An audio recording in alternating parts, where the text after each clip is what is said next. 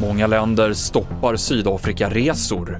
Färre men dyrare köp under Black Friday och storm över de brittiska öarna. Det är rubrikerna i TV4-nyheterna. Den nya coronavirusvarianten som fått namnet omikron har lett till att många länder nu stoppar resor från länder i södra Afrika där varianten upptäckts. Det finns farhågor om att vaccinen ska ge sämre skydd mot omikron. Vi hör Lennart Svensson, professor i molekylär virologi. Vi vet inte så mycket om vaccinet faktiskt, därför att det är för få fall än så länge. En hyfsat stor andel av de som har blivit smittade med den här varianten i Sydafrika, de har varit icke-vaccinerade. Och en hel del av dem också har inte haft så mycket symptom.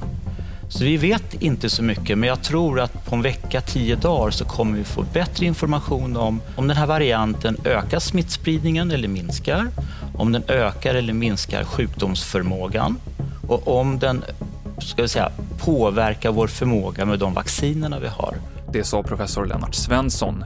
Och 61 personer som kommit med flyg från Sydafrika till Nederländerna igår har testat positivt för covid-19 och blivit isolerade.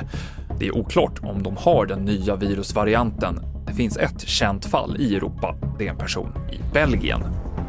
Två personer har dött i oväder på de brittiska öarna. Det handlar om två män som träffats av fallande träd, rapporterar BBC. Stormen Arven drog in igår och har orsakat avbrott i färjetrafik och tågtrafik och vägar har blivit blockerade och det kommer fortsätta vara hårda vindar och snöfall under helgen. Och försäljningen under Black Friday är tillbaka på rekordnivåer. Det visar en första sammanställning från bolagen Prisjakt och Svea Ekonomi. Svenskarna köper färre men lite dyrare produkter.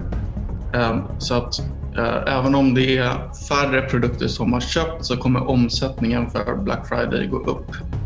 Eh, och eh, det kan vara en indikation på att vi har blivit bättre på att planera våra stora inköp till perioder då vi vet att det kan finnas bra erbjudanden på marknaden.